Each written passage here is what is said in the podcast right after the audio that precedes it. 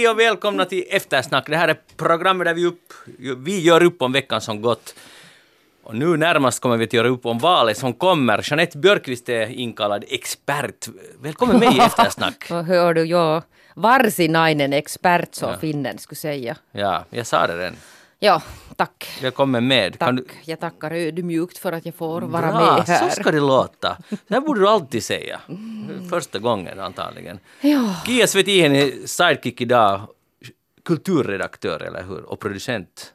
Välkommen med. Tack. Och Pörtebo. Det är viktigt att de här alla, alla epiteterna kommer ja. med.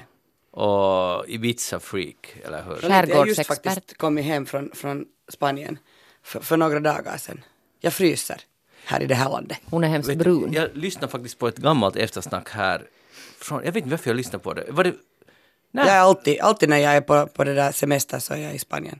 Ja, det visste jag, det, det här jag vill komma in på. För jag lyssnade och då var det också, du har ju nyss återkommit från Ibiza.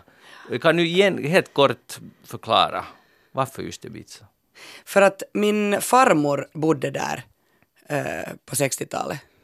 Aha, så, det så var liksom, vi, vi, har, vi har lite sådär, ja, det, det finns liksom så här släktstory bakom och det är därför som vi alltid åker dit med hela familjen. Jag älskar Ibiza. Och nu tror ni alla ja. att jag är där på det här uh, privilege eller pascha och dansar. Nu vet ni inte ens vad det här är, men det är sådana nattklubbar som är öppna flera dygn. Jag har hört att du är där dygnet runt och dansar. Ja, där är jag dygnet runt. Nej, det är inte alls fallet, utan jag brukar faktiskt alltså ja, fara till olika stränder och, och, och, och läsa min bok på stranden och gå och simma och eh, äta god mat och åka omkring i bergen. Alltså det är sånt man kan göra där på, på Ibiza. Ibiza hör ju till Balearerna, Mallorca, Menorca, Ibiza, så det är liksom jättevackert. Sen har det ju också visat sig att det är så här Party Island.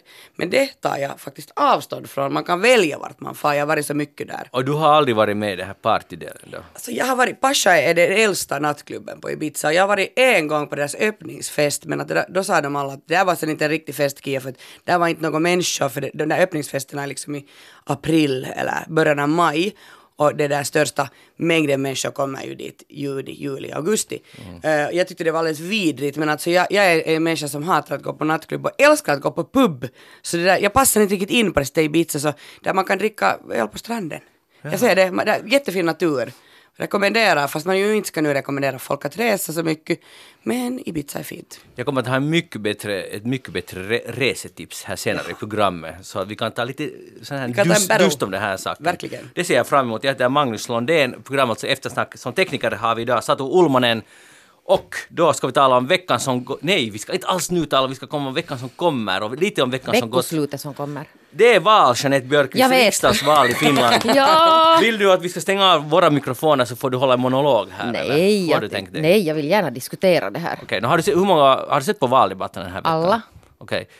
Berätta, Alla, och din sen analys. Har jag, vänta, och sen har jag dessutom alltså sprungit nu varje dag där på, där på stan och tittat på de här partiernas de här valtält och så var jag faktiskt förra veckoslutet också en, en, det där, ett varv där till Hagnäs och träffade en massa kandidater. Så jag har varit mycket sådär engagerad i det här. Mm. Och sen har jag lite försökt, jag måste bara snabbt analysera varför jag är så besatt. Alltså min man är helt trött på mig. Jag tror att han stänger snart säkert ut mig hemifrån.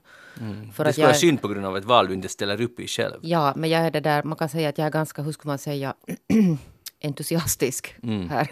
Det är bra. En stund. Alltså tänk att du springer liksom bara varannan dag in till torgen Ja, men, så du, men nu kom jag på att vad det här handlar om för att det där, jag har ju alltid gått igång jättemycket på val. Och sen insåg jag att det här är det första valet på säkert alltså 20 år som jag inte själv är med och bevakar.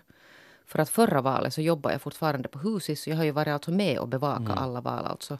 Fast du Eller presidentvalet var det, ja, det presidentvalet alltså var det första som jag inte själv var ute på fältet och bevaka. Eh, men det här är första riksdagsvalet, så det är säkert på något sätt något så här gammalt som sitter i, för att jag är faktiskt alltså det där exalterad. Alltså valet är lite som en drog för Jeanette Björkqvist? Ja. Och, och, du är beroende av det här nu. Och nu har du abstinens på ett sätt, för du jo, får bevaka det. men sen måste jag nog säga faktiskt att det där, eftersom jag då faktiskt har tittat på alla valdebatter, och så var det då den sista stora igår på finska YLE, och sen plötsligt så kände jag att nu kom alltså min gräns emot, för att jag tyckte inte att den blev så särskilt lyckad den här Så den, den blev sen plötsligt alltså för första gången så att jag riktigt fick lida mig igenom den för att komma till slut. Men om du tar till sådär stora ord så måste du nog förklara på vilket sätt du, det var ett, li, ett enda lidande. nå, därför för att dagen innan alltså så var ju den här MTV3 stora debatt och den var ju plötsligt alltså jättefräsch och de hade nya infallsvinklar och de hade jättebra ordning på, på hela den här diskussionen. Fast alltså partiledarna då var alltså förstås redan då ganska, de är ju ganska on the edge så att säga. Mm. Och säkert ganska trötta och det förstår jag ju. Uh, och sen, och det, var, det var en njutning. Jag önskar att den aldrig skulle ha tagit slut den här debatten. Jag skulle kunna titta på den alltså hur länge som helst. Och sen den här YLE som kom igår så blev det plötsligt så att vi föll tillbaka i det här att man talar igenom samma saker som vi har talat om alltså så många gånger om.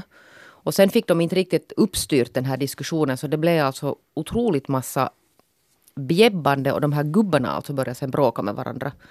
Och sen alltså vem som tog sig rätt att prata och vem som gavs sen rätt att prata och, och vem som inte fick. Det, det blev lite oproportionerligt det här.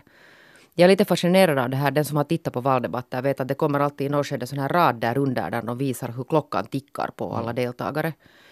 Och igår tänkte jag nog att vad är den här funktionen alltså egentligen? Att borde inte funktionen vara det att programledarna kan titta, titta den här människan har inte fått säga nästan någonting medan den här har fått tala nästan 20 minuter. Mm. Men man vill ju framställa det sådär som i en fotbollsmatch. Vem har sprungit längst, vem har haft mest boll, vem har passat mest. Nej, men jag tänker att det skulle vara mer sån här rättvisa. Alltså du har rätt, också. rätt, men jag menar att man försöker få det till någon sorts tävling. Vem har lyckats stjäla åt sig tid? Men är det, är det faktiskt i alla debatter, det är inte bara den här YLE Yle-debatten har den, för ja. det, jag har inte sett det tidigare. Ja, det där blev givetvis, eftersom jag är så lagd, jättestressad av det där. Nej, nej, nu får han för mycket taletid. Jag bara tänkte så här att du, nu måste, att, att egentligen som programledare, jag har aldrig varit programledare för, för ett val. Jag tror inte att jag kommer att, no, nu ska vi aldrig säga aldrig. Men eh, jag tänker så här att det där behöver ju programledaren kanske mera. Mm. Man skulle inte behöva avslöja det för, för tittarna utan att man där skulle försöka hålla lite rättvisa. Ja, och det var det var jag trodde att alltså är en del av den här funktionen, men det verkar ju inte vara så. Och sen handlar det ju inte heller om att vem som, vem som får stjäla ordet åt sig, för att det, programledarens uppgift är ju det att försöka på något sätt Ja, distribuera ja, lite. men jag sa att det framställs, så blir det som en tävling och så tycker man det är coolast den som har talat mest. Jag vet inte. Ja. Eller Det är konstigt, jag håller helt med er. Har, Men, men kan man ändå inte på något sätt tänka att för att på något sätt försvara att till exempel Svenska Folkpartiet, de blå och, och vad heter hon, Essa i Kristdemokraterna, de hade, de hade liksom talat minst. Att det är ändå de minsta partierna. Och det där köper jag inte. Upp, upp, upp, upp, det fick man inte säga. Jag tänkte så här, men kunde man inte använda det som ett argument till Man kan ju varför? försöka säga det, men då kan man ju säga samtidigt att de här stora partierna får ju nog goodie nog. Och särskilt om man har suttit i regeringen så har man ju haft alltså varit ganska sådär exponerad Ja. här längs med ganska mycket. De får ju nog sin plats i offentligheten annars också. Tvärtom borde man i så fall se till att småpartierna får lite mera.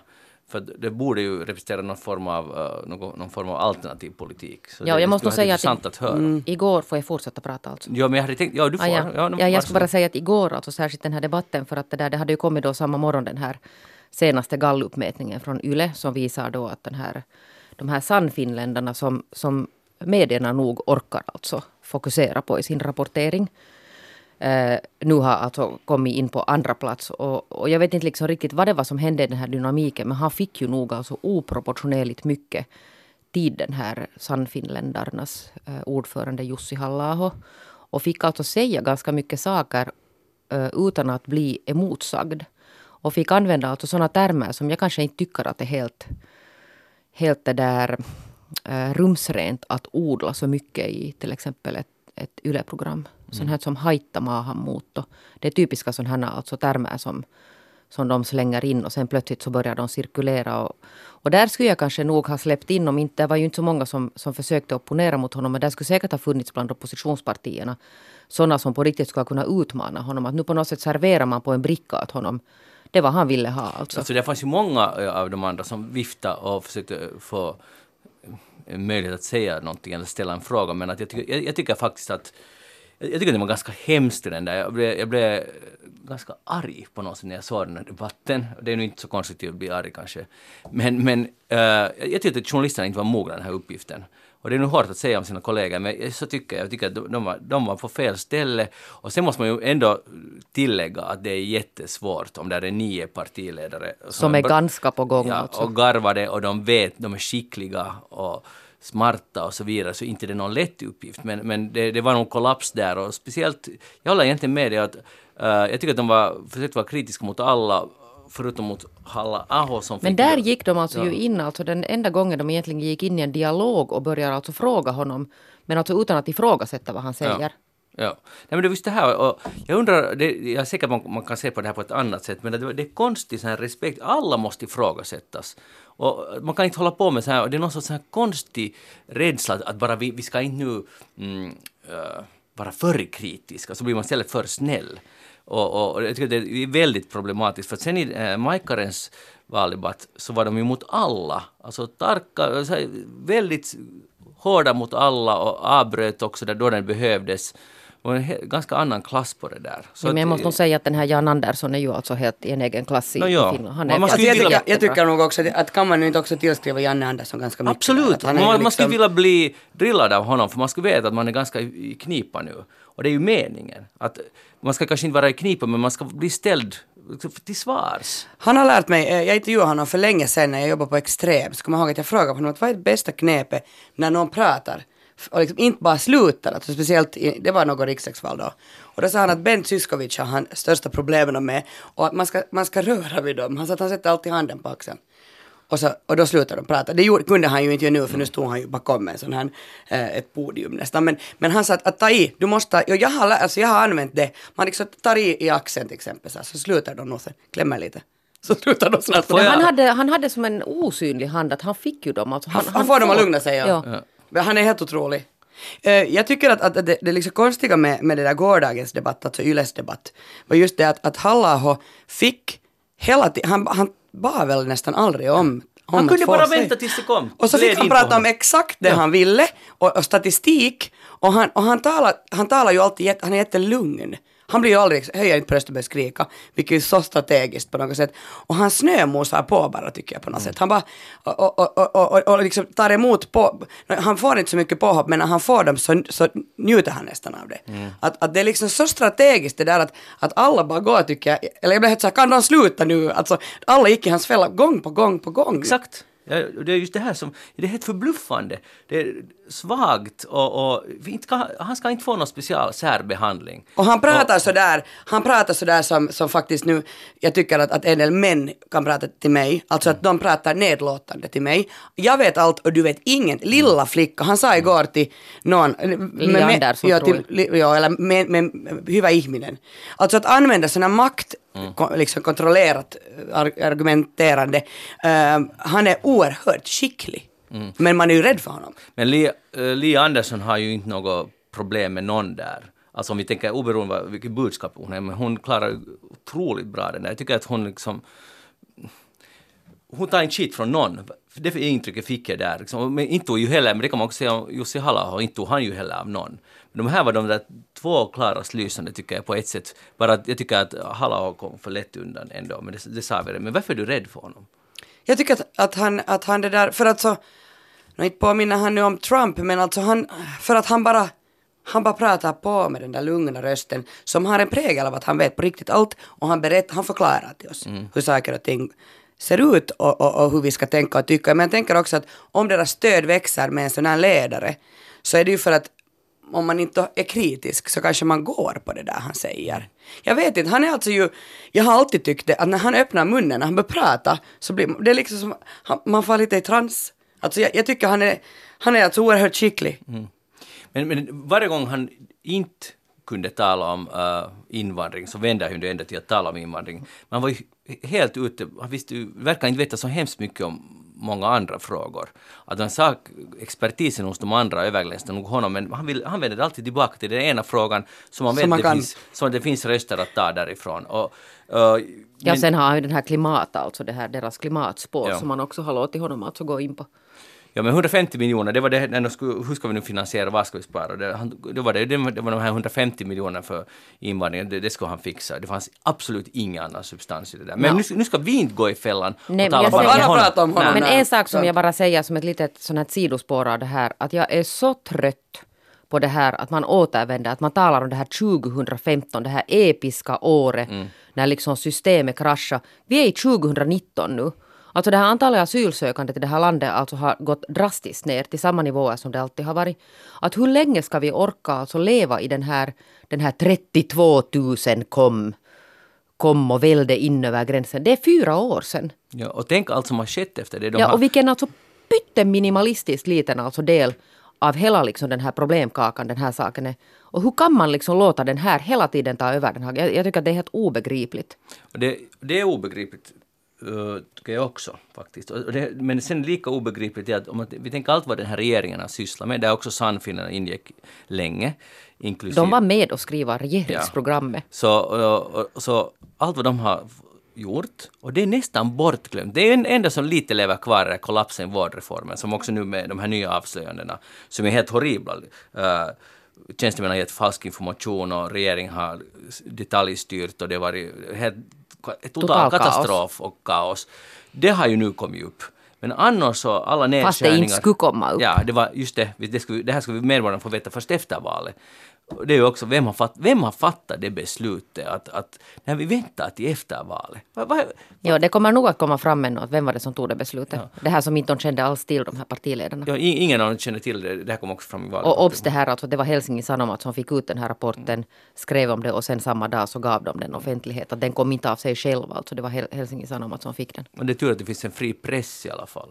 Det där, uh, ja, nu mm, kommer jag inte ihåg vad jag... Ja, alltså mycket som regeringen har gjort. Och det är nästan som det är bortglömt, att det, det försvinner sen. Och politiska minne är extremt kort. Att man skulle tycka att med all den opposition det fanns mot de här regeringspartierna, att de skulle ha minskat inte, till 5 procents eh, partier. För det var så mycket missnöje. Men det är inte så nu. Och där är de nu som tvåa, trea och fyra. Alltså det går bra, relativt bra. De har ju förstås minskat men att där är de alla ändå. Förutom blå, de blåa.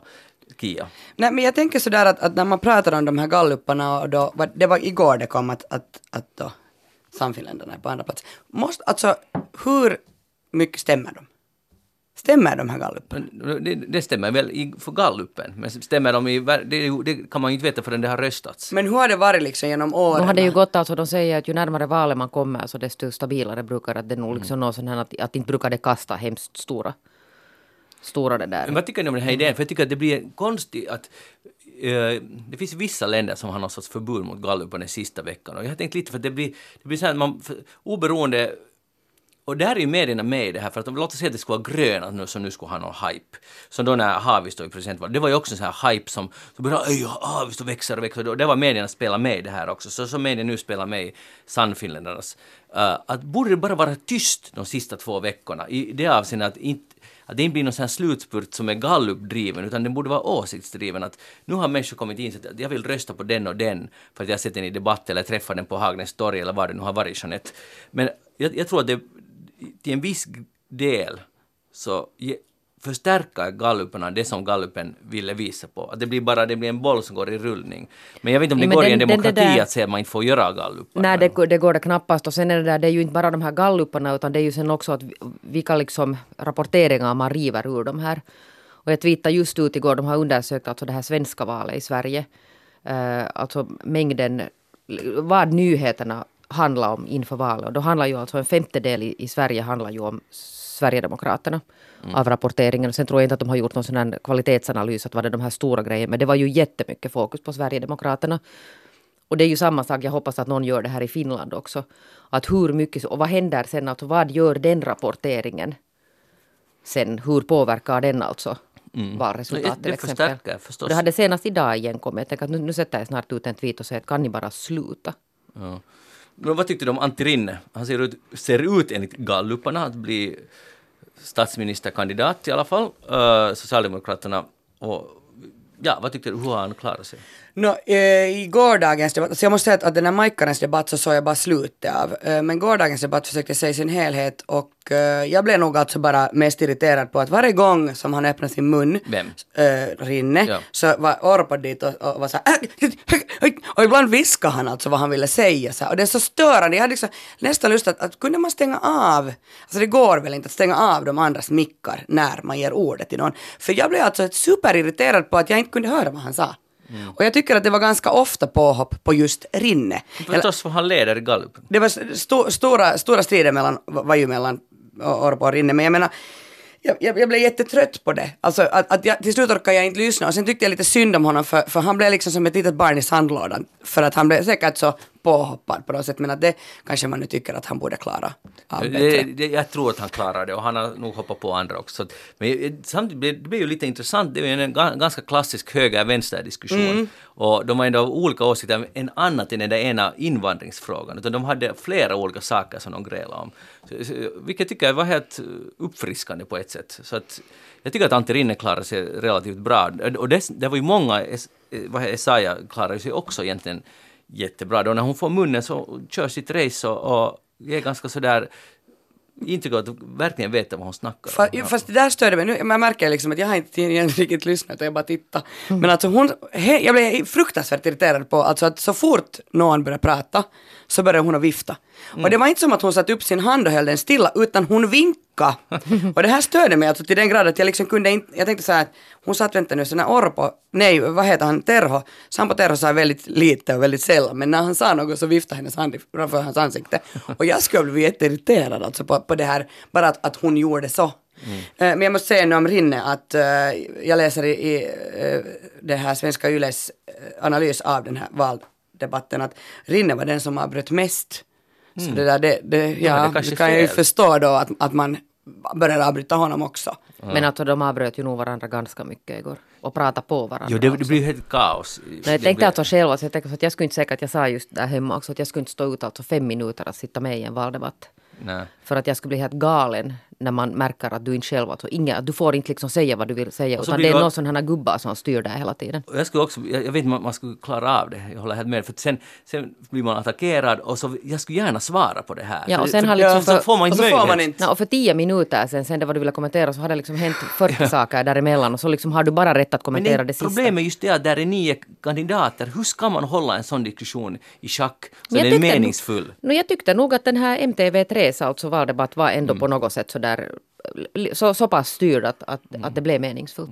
Fick ni mera lust att gå och rösta när ni såg det? För jag, jag blev så att jag, jag skulle vilja, jag, skulle, jag tänker verkligen rösta. Nå, nu hör ju det till saken att jag är ju en sån här katastroftänkare. Så på söndagen var jag såhär, nej sakeli, jag måste få rösta nu. För tänk om något händer, tänk Mm. om något händer och jag inte röstar nästa söndag. Jag ska alltså ut till Pörtö igen det här veckoslutet. Jag blev såhär, åh, mitt i allt blir det is. Och sen kommer, alltså jag tänker såhär, de värsta grejerna liksom, så kan inte jag sen få upp med båten på söndag. Så jag alltså har en rösta. Och, Ja. och, och jag det där tycker ju om att alltså faktiskt ha såna här saker gjorda.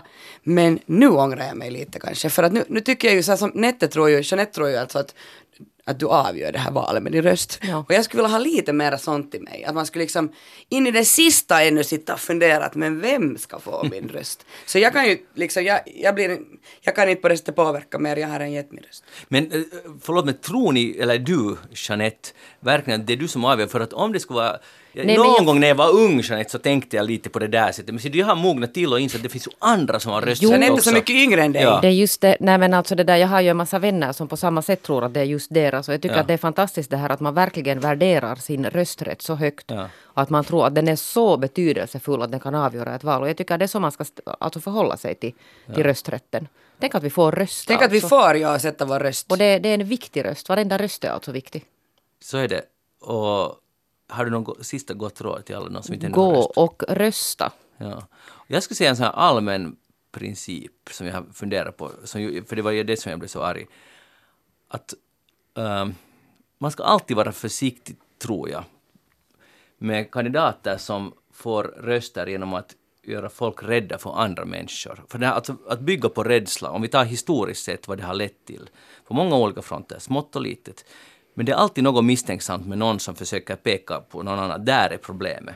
Och det, det här skulle jag hoppas att man skulle på något sätt läsa historia, fundera efter och, och för det är så lätt att gå på rädsla. Alltså, vi är ju alla rädda säkert för någonting och, och det är så lätt att tilltala det. Och, och nu finns lösningen där. Så man ska, vara- man ska vara jättekritisk till de här som lockar med rädsla. Men just locka med rädsla och sen har de en, en ganska enkel lösning Ja. som är liksom banal och, och dajo. Jo, och det är inte, alltså, så, saker och ting är tyvärr inte så enkla. Så är det bara. Så hur, ska, Vi har pratat. hur tänker ni nu njuta av den här, den här fantastiska festen av att få rösta på söndag kväll? Aj, hör du, vet du, oj, oj, oj, jag ska den där... Ikväll kanske jag inte hinner dit till, till kampen ännu och titta på... Imorgon ska jag gå där på, på, det där, på torget där ännu och det där mingla där med alla Sen kandidater. kommer så här säkerhetsvakter och bär ut dig därifrån. Hej, du måste Nej, du jag kan inte bara där, hänga. hon galna- galna kvinnan, var, ja. jag, jag var där var säkerhetsvakter igår för Petteri Orpo råkade vara där på plats och så var vi där med min dotter då och jag visade att där är han den där med honom kände hon igen och så såg hon Bent Syskovic som har varit med i Posse. Hon känner hon är alltså mycket bevandrad. Men där på lördagen ska vi säkert hänga hela dagen på stan och, och njuta ännu av det här spektaklet och sen så ska jag gå och rösta högtidligt och sen ska vi ta valkaffe. Okej, men kommer dit, du vet de där sekunderna före de där första rösterna, de poströsterna visas där på skärmen. Så det är ju, alltså det har jag ofta tänkt på, man måste vara partiledare. Att hålla god min där. Jo, men jag har Det- varit med där och bevakat och sett den här, alltså, hur det, vad, vad som händer alltså på de här valtillställningarna. Ja, sen ska jag ju dessutom vara faktiskt på måndag morgon sen i Radio Vega och kommentera valresultatet. Det heter faktiskt Ylevega. Ylevega, Ja. förlåt, förlåt. Ingen vet vem Alla vad du högsta menar chefer här. ja. Nej, just det. Okej, så du, men du, hemma sen är det liksom juice och snacks och, och klock, klockan åtta slår du på tvn eller, eller Alltså nej, nej, det var tidigare, redan tidigare. Redan, Har du alltså, flera skärmar? Hur tidigt kan man jo. börja liksom? No, genast när det börjar alltså sändningarna så har man sen alltså på datorn en skärm, man kan ha på pa- paddan alltså en och sen kan man ha en och man kan följa med tre Jo, samtidigt. det är viktigt, jag håller med, med det. Är viktigt med en, en, i alla fall en sidoskärm, för man måste gå in djupt i den där Inte statistiken. bara det utan för att de har olika kommentatorer Ja. för det är ju intressant också att lyssna på dem. Alltså, jag måste nog säga, är ni båda sådana här? Jo, jo. det är inte normalt. Herregud ändå! Jag liksom tänker nog det, jag tänker, även om jag redan har varit och röstat så här så är det ju givetvis en fest hemma. Du menar att det är, det är en avgjort val eftersom du har röstat? Jag vet ju precis vilka partier. Nej men, men så här, men, men alltså jag, jag har ju TVn på, men Mm. alltså sitter ni med olika skärmar? Förstås. Say no more. Ja. Och jag, och jag, och jag uppmanar alla att just den här kvällen använda lite mer energi än Jag kan, tidigare. jag kan Kia hålla dig uppdaterad på Messenger. Jo, det gör du nog säkert ändå. nu, såg du det där? Så du, du, du, du tycker bara ha på TVn tyst där i vardagsrummet och du- Alltså ni, ni, kommer nu, ni kommer nu alltså att börja hata mig, men jag har alltså bjudit hem mina vänner Inte Ja. hatar vi. Det är fint. val, valvaka. Hem Vi till är mig. inte hatare. Nej, nej, ni hatar inte. Nej. vi är, vi hatar för att vi inte är bjudna, men Ja, men ni, nu ska jag berätta varför ni inte vill komma. Det, det, det, är massor med, det kommer massor med barn. Och jag men tänkte det är bra, så att de. Introducera nämligen nu de unga små, de är alltså nästan alla mellan tre och fyra år gamla, till, till den demokratiska världen. Yes, bra. Och, och när jag var, faktiskt när jag var förhandsrösta förra söndagen så tog jag med min pojke och de frågade direkt, han är ju kort sådär så jag, så de sa att "Nå, han får nog gå med för att bara, bara inte den här treåringen når att se när man går och, Ah. och skriver sin nummer. Så de får inte se de här olika kandidaterna att han skulle börja påverka mig. Att nu ska du inte rösta på den där. Och det där, han var med och liksom, jag var sådär att får han komma med så han fick liksom högtidligt stämpla med mig den där när man sen sätter den, alltså sin, sin röst far iväg. Så jag tänkte att jag har redan startat det här viktiga jobbet så kanske han då har flera skärmar sen när han blir 18 och börjar titta. Hoppas det, men, Det är det enda men jag är, jag är jättetacksam att jag inte är bjuden på din Ja, jag valvaka. För att jag, jag skulle inte vilja fira, fira med 3-4-åringar i en större skara. Nej, nej, du ska ha dina alla skärmar Ja, och ni ska och gå tystnad. och nu ska det vara tysta! Ja. Tur. Det där, eh, ja, eh, hej, eh, bara kort sagt, hörde ni om i Uleåborg så var det ju 40, ungefär ett tiotal människor, 30-40, som köade på Uleåborgs eh, bi- bibliotek på tisdag då post, förhandsröstningen avslutades och de hade börjat köa lite efter sju. Klockan åtta kom det en vaktmästare och sa att "Hej, nu är det dags för er att gå hem för det här biblioteket stänger och ni får inte rösta. Och det, där, och det här är ju ganska illa i en demokrati där man har rätt att rösta och instru- instruktionerna är den Alltså Bibban stängde sju. Bibban stängde åtta. Och de började köa sju och de var redan inomhus, men så blev de utkastade därifrån. Eh, och det här är alltså ett faktum, det här är inte någon... någon Det var inte bara Uleåborg, det var någon annanstans så, två ställen. Två ställen. Det Alltså, och då hade bland annat vaktmästaren i något i vad heter agiterat tillstånd sagt att ingen betalar övertid för oss som vill bli här. Och då, då tänker jag att just den här saken borde ha lämnats osagd. Det är säkert sant att de får dåligt lön, bibliotekarier, men det skulle säkert ha löst sig på något sätt i efterskott. För nu handlar det om ganska viktig sak, att alla måste få rösta. Och, och det här förhandsrösten, många kanske är där för att de inte kan rösta på söndag, Kia till exempel, om isarna, om menföre, på något konstigt sätt. Så, så det, här, det, här, det här kommer säkert bli ett efterspel ännu kring det här. Jag tycker det, det som är faktiskt lite skrämmande där är ju det att, att um, om man är lat i sin natur eller man faktiskt kanske inte riktigt skulle orka rösta men man har nu ändå fan släpat dit sig.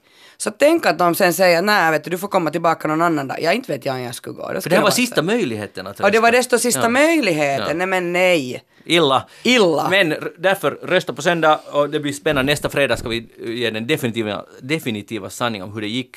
Jeanette Björkqvist kommer att vara här då också. Men Jeanette Björkqvist, vad har du tänkt på den här veckan? Alltså, Eller har du, jag vet vad du har tänkt på. Ja, Men kan alltså, du, nå, nu var det ju ett sånt här litet problem att det där att man ska ju alltid hitta på vad man har tänkt på. Mm. Och det där, jag har ju då inte tänkt på något annat än val, men sen fick jag lite hjälp av, av vännen Kia här. Så sen började jag tänka på lite annat för att det där för att hon serverar en bra nyhet åt mig som jag blev mycket, mycket glad och stolt över. Och nu är jag sån här präktig förälder kan jag då redogöra.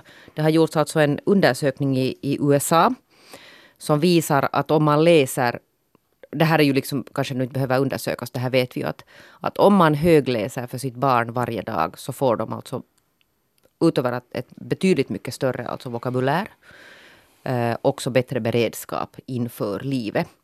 Och i den här undersökningen så hade de läst alltså, rubriken var så här att, att om man läser högt för barnen så har de hört 1,4 miljoner fler ord när de är fem år gamla än barn vars föräldrar inte har läst högt. Och då tänker jag att det här lät ju nog.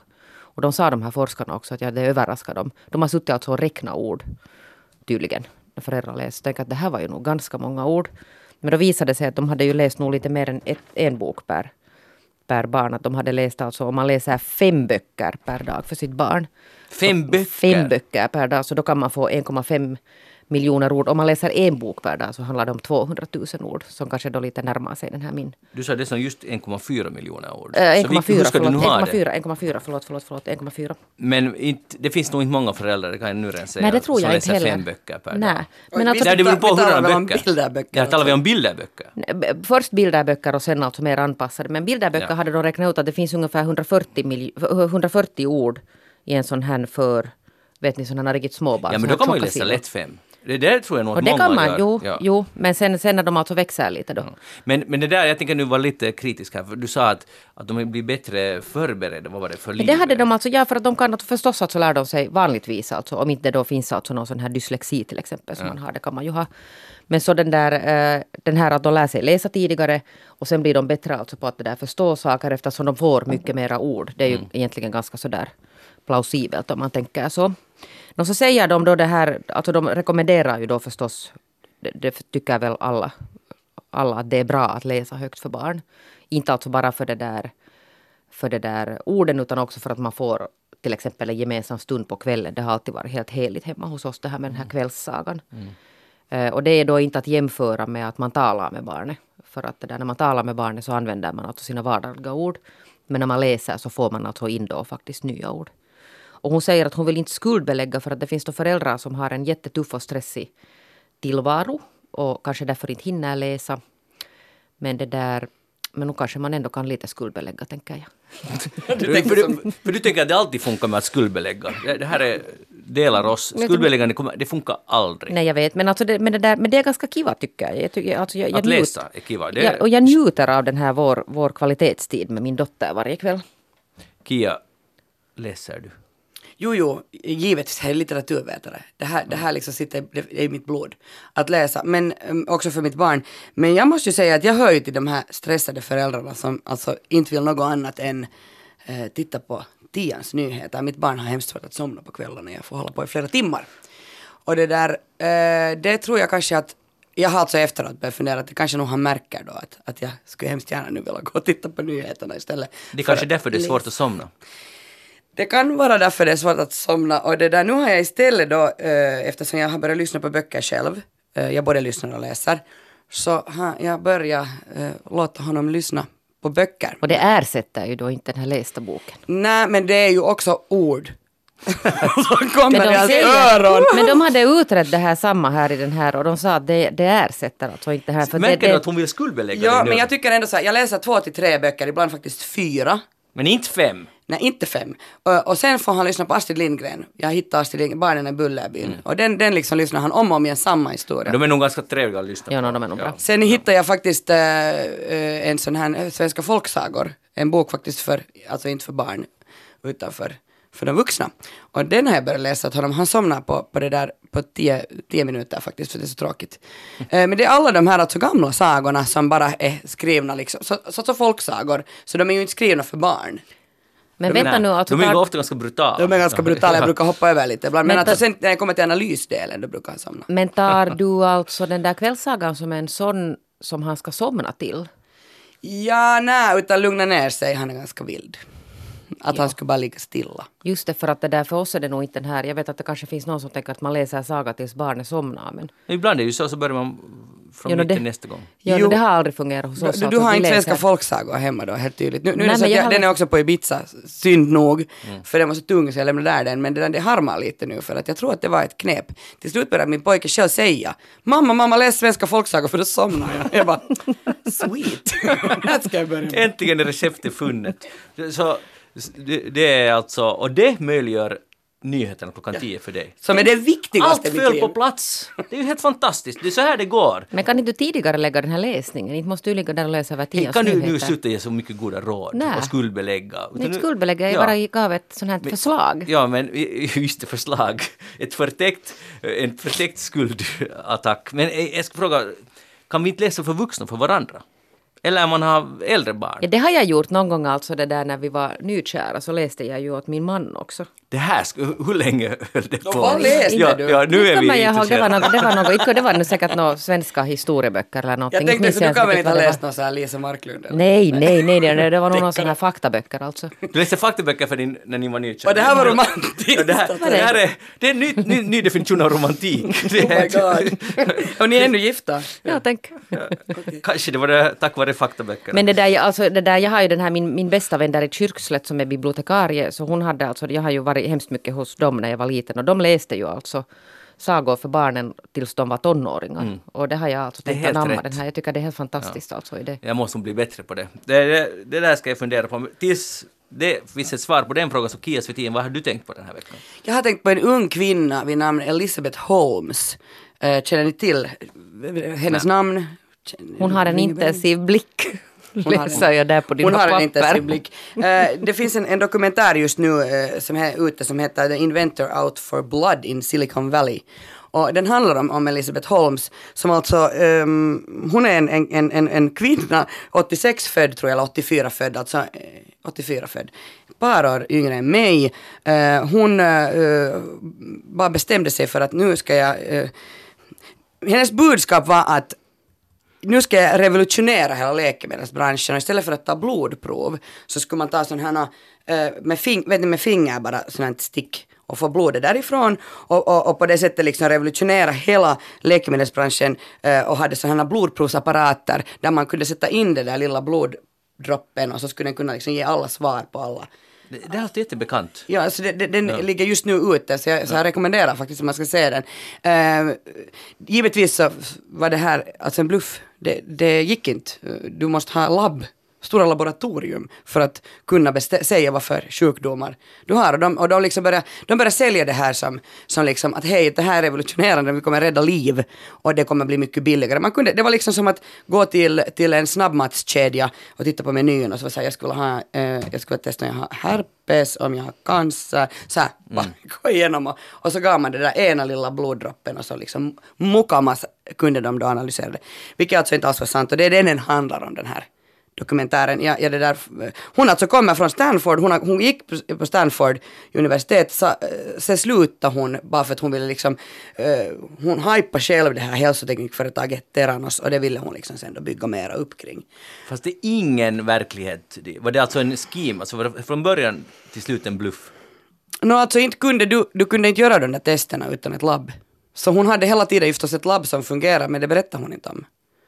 Så hon berättade liksom bara till Alltså det kom svar men det var Jo. gjort på labb. på labbet. Och till slut så blev det ju sådär att ingen ville ju jobba för dem och, så, och då liksom började de att och, eh, ta in yngre och yngre människor som gjorde det här och de liksom så här bara mocka och spädde ut blodet och alltså det, det, det, det är liksom Det, fanns, det finns en annan dokumentär, ehm, Fire Festival, som kom för några veckor sedan, som handlar också om en sån här ung kunde som skulle ordna en sån här festival för de rika. Det var också bara en, en bluff, alltså en flopp. Det fanns liksom inte så, de, de sålde biljetter för sånt som inte fanns.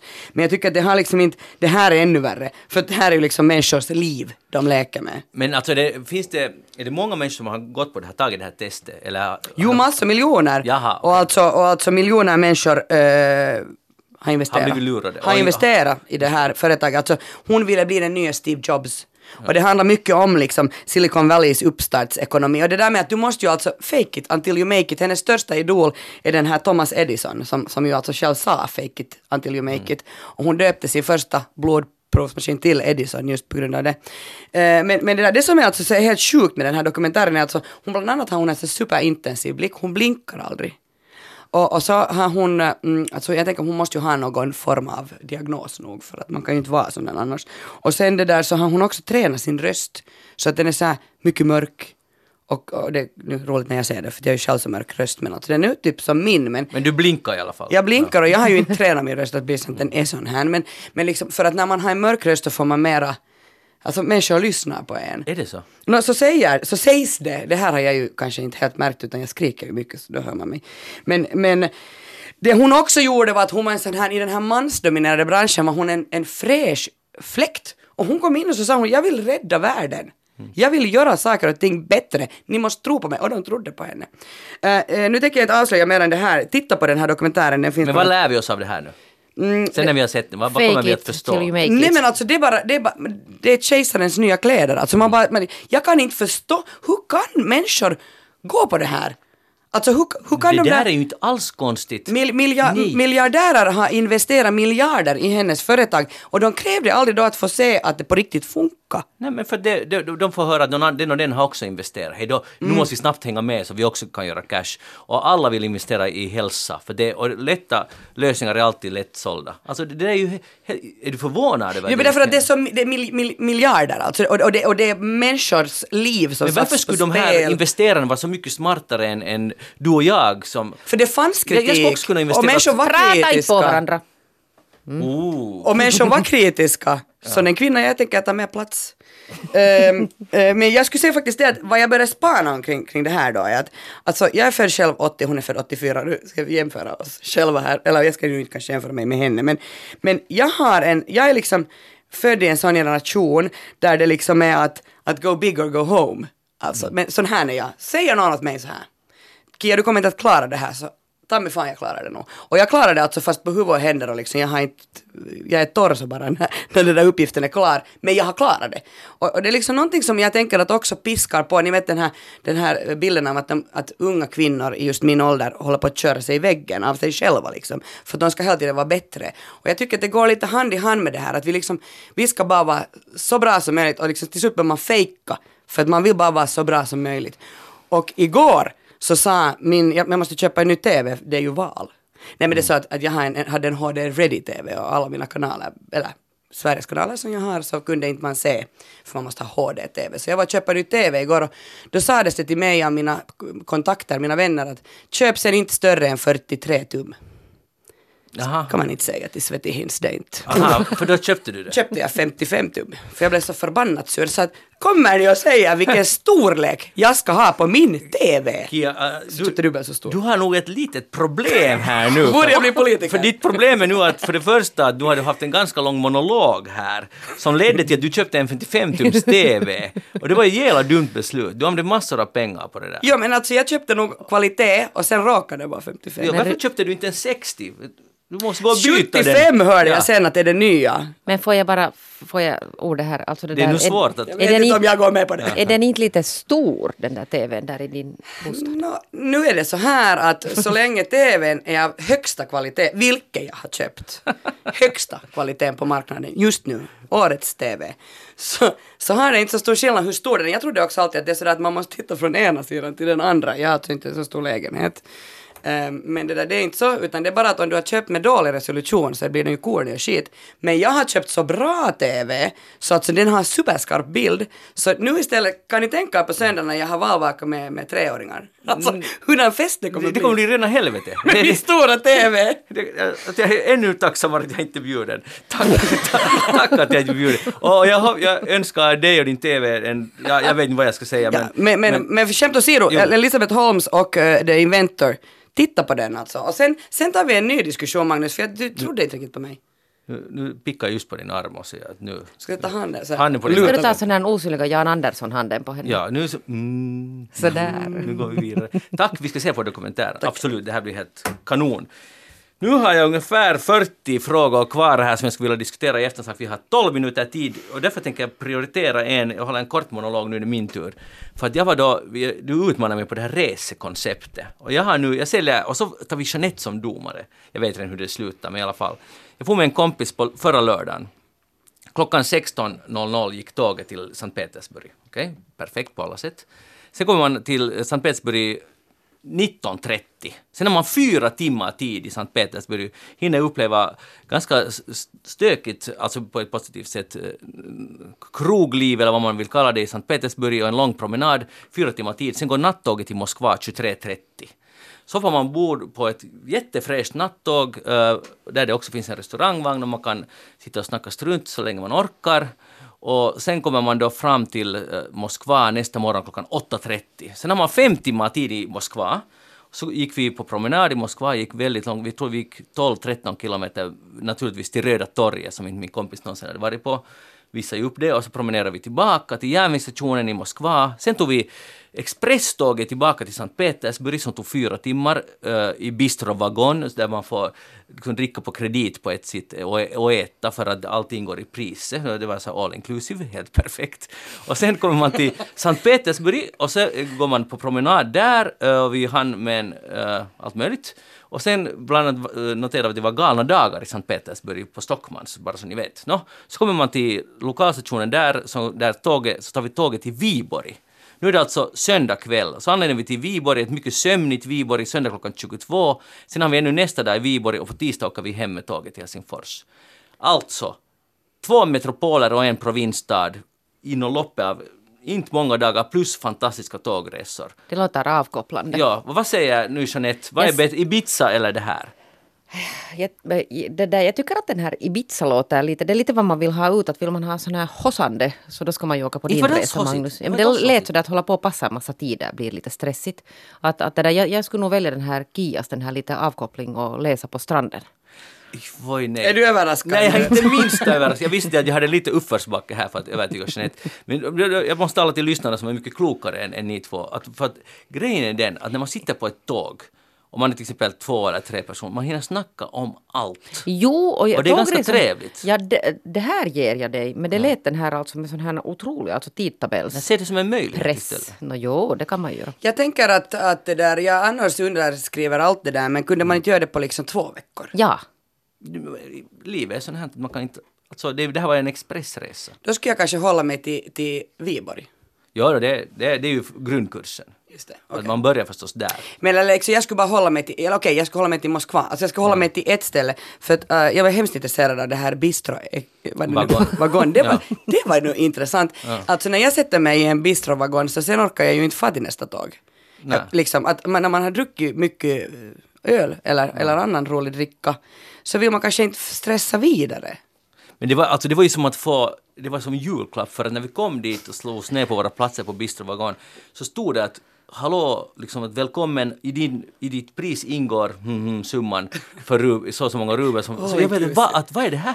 För jag hade bara köpt, jag tyckte, jag trodde det var dyrare för att det var bra platser. Liksom. Jag ville ha, försäkra mig om vi får sitta på fönsterplats i, i restaurangvagnen hela vägen mellan Moskva och Petersburg och titta ut över slätterna. Och, och, och dessutom var det all inclusive, vilket vi var helt omedvetna om. Så det var, det var som en eh, ja, vinst, lottovinst. Har du tänkt på Transsibiriska järnvägen? Förstås, jag åkte många Du gånger. har åkt det många gånger. Jag tänkte har du skrivit en bok om den? Ja, Herregud, du har skrivit en bok Ja. om den och vad är jag, nu är det nu igen. Och bra, jag är så Men alltså tacksam. det är ju en, det har jag också, alltså jag har inte skrivit en bok om det, men jag har åkt Transsibiriska och där får du liksom ta det lugnt. För Just nu- resan tar ju aldrig slut. Jag tänkte att jag skulle göra, bryta mot alla regler och ringa upp min son här i eftersnack som just nu sitter på uh, Transsibiriska järnvägen. För när jag kom hem från Moskva så får han till Irkutsk. Så det var, och nu just tittar han där och nyaste rapporten, han bor i en kupé med en en enda annan invånare, en 50-årig man från Azerbajdzjan som inte talar något annat än Azer- Azerbajdzjanska. Azeriska eller vad den heter. Och kanske ryska, vilket min son tyvärr inte talar. Så där är de. Och tänk vilka nya vänskapsband som skapas. Men jag är alltså ganska avundsjuk på honom. Alltså det är ju först grejen. Och när jag tittar ut genom fönstret då mellan Moskva och Petersburg så kom jag på den briljanta idén som sen sköts ner av min, min fru med att man borde ju promenera till Sibirien. Sibirien. Tänk för det är 5000 kilometer, på ett halvt år skulle det kunna gå. Tänk vilken bok det skulle bli. Han tänkte också bosätta sig på någon, någon sån här öde ö eller vad det är, Lerhyddan och hans familj skulle få hälsa på honom ibland. Han är i en sån fas av sitt Jag liv. märker Kia. det, att du är en sån fas. Ja, men ni kommer inte med på den här promenaden? Nej, Nej. tack. Men jag kommer nog med på, om, alltså jag skulle kunna åka faktiskt Transsibiriska järnvägen igen. Så det, det köper Det, jag. det, är nog, det är nog nice. Och Irkutsk, dit din son då är på väg. Jag tycker han kunde lära sig lite ryska. Ja, men han, han ska sen vidare till Kina och så vidare. Men ändå, många- då ja. kan han ändå lära sig. Ja. Och det, det största behållningen av den där resan är att han skickade en, ett foto, eller egentligen en, när vi snackade, att nu läser han min bok. Fattar ni? Det är den enda Åh! i min familj, alltså förut av mina barn, som är så här vidkänns någonting av det jag har skrivit. Och nu var han på sid 37 och jag fick nästan ett år i ögonen. Jag tycker det är så 22 år gammal, eller 21 år gammal. Jag tycker det är så vackert det här hur han går i sin fars fotspår. Inte- det skulle jag inte riktigt säga. Hej, nu, nu ska jag sluta tala om det här, nu går vi vidare. Hej, jag, här kommer i Husis var det en artikel, eller en kulturdebatt. Jag går i strejk för klimatet. Skådespelaren Markus Groth lämnar scenerna och återvänder till den första då Finland har en trovärdig klimatpolitik. Politik. Vad tycker ni om det här? Jeanette? Nå det där, eh, vad ska jag nu tycka? Han, han skriver väl där också att han, att han på något sätt skulle gärna säga att andra inom hans bransch också skulle göra det. Okej, men vi säger att, att, att du också som journalist, eh, har du tänkt på det här? Nej. Okej, Kia? Nej, alltså jag tror inte att, att jättemånga skulle bli jätteledsna. Nej, Om jag jag skulle vara sådär att nu slutar jag i strejk bara nej sluta inte Kia. Och jag kan alltså kanske, jag är ju ingen skådis eller regissör, han är ju allt möjligt. Författare. Men jag menar, man tycker ju ganska mycket om sig själv. alltså om man är sådär att "Ah, nu slutar jag. Men sen tänker jag att Finlands klimatpolitik så han får nog vänta länge då innan han får Men få det, jag tror att tillbaka han, till någon han vidkänns ju också. Det kan säga, han säger ju att det kan hända att han inte syns på väldigt länge. På Och han har ju ett annat jobb, alltså jag menar jag kan inte sluta jobba. Jag måste, måste få lön, Mm. måste betala hyror. Ja, men det där är en ursäkt man, man alltid kan köra med. Uh, om vi tänker nu, poängen är ju det att, att när uh, Greta började sin strejk så kunde man ju också ha sagt att no, vad är det för det? En skolflicka i Sverige, come on, get real. Och vad, vad är på gång?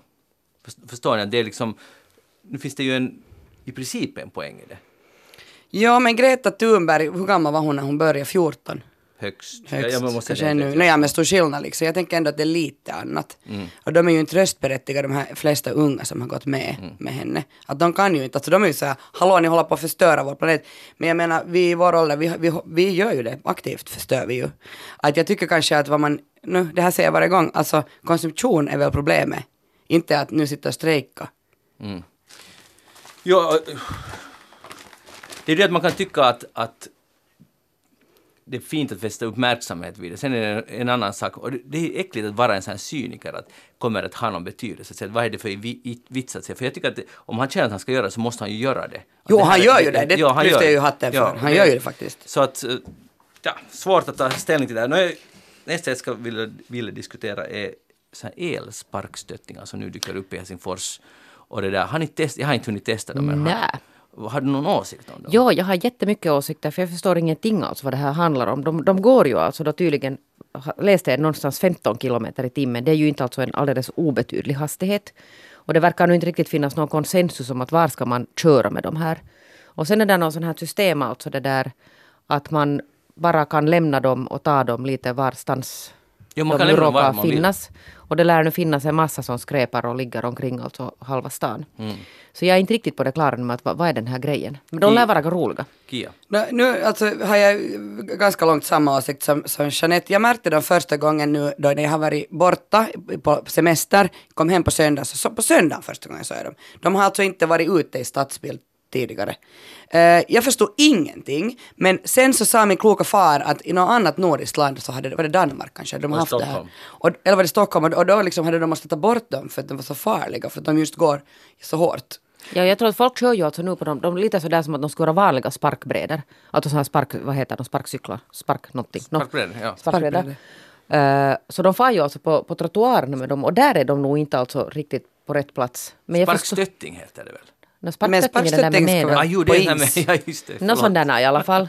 Och det där, men de är ju inte heller alltså det där korrekta på gatan. Alltså det är ju inte bilar och det är ju definitivt alltså inte någon sån här fotgängar. No, det, ja, det är nästan Anpassade. Men de är överallt. Alltså, jag, jag bor i Berghäll i Och Helsingfors det, och de är liksom, ligger som rivor överallt. Jo, och inte bara det, utan alltså det är ju vem som helst kan ta dem oberoende av hur det där, hur bra funtad man är att, att använda sådana här. Ja.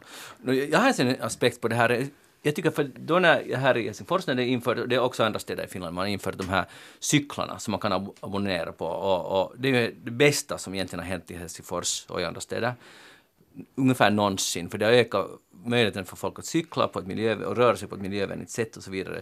Men sen, jag tycker det här för mig symboliserar, de håller ganska kort tid, typ några månader, högst ett halvt år, sen är det dags att de kanske- kanske går att reparera men oftast kan jag tänka mig att de kastas bort. Så det är inte, det är inte någon det är något hållbart alternativ. Plus att de drivs ju faktiskt med elektricitet som måste produceras någonstans, någonstans på något sätt. Och jag tycker bara att det här är ett sätt för slöa människor att ta sig fram snabbt.